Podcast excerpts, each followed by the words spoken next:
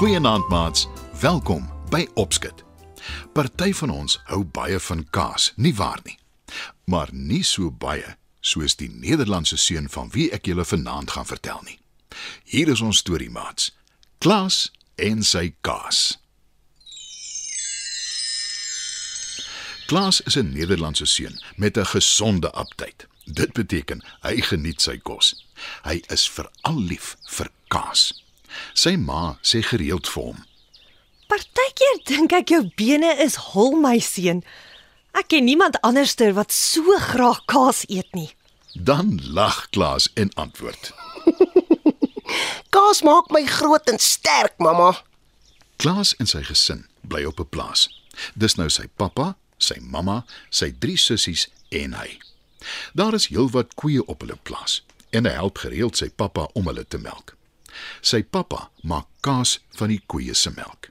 Die beste kaas in die hele distrik.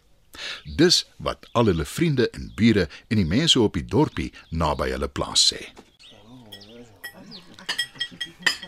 Etenstye is vrolike geleenthede in die gesin se huis.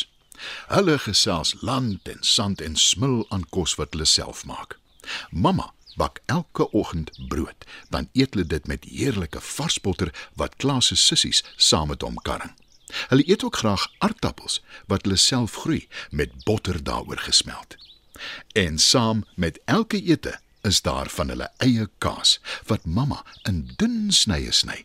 Te dun na Klaas se smaak.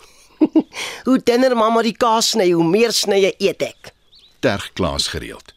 En dan voeg hy by: Ons het 'n hele spens vol, mamma, en ons maak die hele tyd nog kaas. Dit sal nooit opraak nie. Daarvan is ek nie so seker nie. Nie met jou in hier rondte nie. terg mamma op haar beurt. Klaas kry elke dag kaas toebroodjies skool toe. Sy maats hou hom dop wanneer hy daaraan smil. Hulle durf hom nie vir 'n happie vra van sy broodjie nie, want hulle weet hy deel nie graag sy kos nie.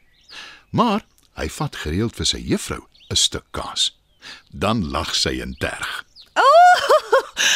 Solank jy vir my van jou gesin se heerlike kaas bring, sal jy altyd my gunsteling leerling wees. Die ander kinders in Klaas se klas is so 'n bietjie jaloers. Nie omdat hy sy juffrou se witbroodjie is nie, want hulle weet sy terg net. Maar omdat hulle weet hoe lekker die kaas is en ook graag daarvan wil hê. Een aand aan tafel, terwyl Klaas smil aan sy aardappels met heerlike gesmelte botter oor, terg een sussie, Saartjie hom. Ek dink ons moet jou van nou af maar botterpot noem, En hoekom nogal? Wil Klaas verontwaardig weet. Jy eet botter met aardappels, nie aardappels met botter nie. Lag Saartjie. Nou is Klaas sommer vies, Dis my aandete en dis glad nie waar nie. sê hy. Dis bietjie waar. Terg mamma saam. Dit maak Klaas baie ongelukkig en hy sê: Mag ek asseblief verskoon word? Ek wil na my kamer toe gaan. Ek glo dit nie. Jy het nog net 3 snye kaas geëet. terg Saartjie verder. Mamma sien Klaas is na aan trane en keer. Los nou maar Saartjie. Toe vra sy vir Klaas. Is jy seker? Ek het pudding gemaak vanaand. Ja, mamma, ek is. Gee my porsie vir Saartjie. Antwoord Klaas en hy gaan na sy kamer toe. Mamma voel sleg en kyk hom hartseer agterna. Saartjie sien dit en sê: Jammer mamma. Dit was regtig net 'n grap. Mamma glimlag en knik haar kop. Intussen het Klaas op sy bed gaan lê. Hy hou baie van sy kamer. Dis hoog bo in die dak, want dit was eintlik eers die solderkamer. Hy moes mooi praat om sy ouers te oortuig om vir hom die kamer te gee. Daar is 'n groot venster waaruit hy amper die hele plaas kan sien. Hy geniet dit veral saans wanneer die sterre wink en die maan vir hom knipoog. Hy het dit eendag vir sy sissies vertel, maar toe lag hulle vir hom en hy het liewer nooit weer daaroor gepraat nie. Maar die aand lê Klaas oudergewoonte na die sterre hoog bo in die lug en kyk. En skielik gebeur iets wonderlik. Iets wat hy nog nooit van tevore gesien het nie. 'n Vee met 'n silwer rok wat in die maanlig skitter, verskyn voor sy venster. Klaas knyp sy oë styf toe en vryf hulle. Maar toe hy sy oë weer oopmaak, is die vee nog steeds daar en sy wink hom nader. Klaas stap versigtig na sy kamervenster toe en maak dit oop. Kom saam met my. Sê die vee in 'n sagte, soet stem. Waarheen? Vra Klaas versigtig. Na 'n plek toe waar daar baie kaas is en waar niemand jou skeef sal aankyk of jou sal spot as jy genoeg botter op jou aardappel wil sit nie. Antwoord die vee. Hoe weet jy daarvan? Wil Klaas verbaas weet. Ek weet baie dinge. Antwoord die vee geheimsinnig. Klaas wik en weeg nog 'n oomblik. Maar toe loop hy op sy tone af met die trappe van die huis, deur die sitkamer tot by die voordeur. Hy maak die deur versigtig oop. Hy kyk 'n slag oor sy skouer. Toe glip hy uit en maak die deur toe. En saam met die vee draf hy deur die woud naby hulle huis. In die middel van die woud gaan die vee staan. En Klaas steek ook verbaas vas.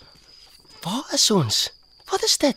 Vra hy verwonderd en kyk na wat lyk soos honderde vuurvliegies. Nog vee verskyn agter die bome en begin om Klaas rond te dans. Vier saam met ons fees. Sê die vee wat hom in die woud ingelei het. En Klaas en al die vee val weg aan die heerlikste kaas wat hy nog ooit geëet het. Hy smil totdat hy nie meer kan nie. Toe gaan lê op die naad van sy rug onder 'n boom en staar gelukkig na die sterre hoog bo in die lug. Daar is so waar niemand wat hom terg of met hom raas nie. En hy raak vas aan die slaap. Die volgende oggend vroeg skrik Klaas wakker. Hy kyk om hom rond en kom agter hy lê onder 'n boom 'n end van sy huis af.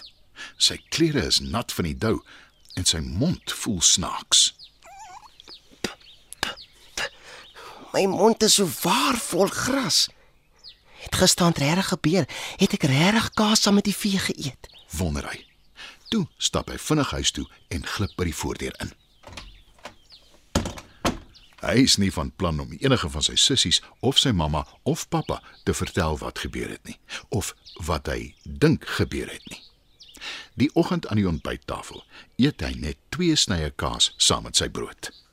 Wat gaan aan Klaas as jy nie honger nie? Wil sy mamma weet. Nee, wat mamma? Ek dink julle is almal reg. Dalk eet ek te veel kaas en botter. Antwoord Klaas. Hy het nooit geweet of hy gedroom het en of hy regtig vee en vuurvliegies gesien het nie. En hy het nog steeds sy kaas geniet. Maar heelwat minder daarvan geëet en ook gereeld pouse by die skool sy kaastoebroodjies met sy maats gedeel.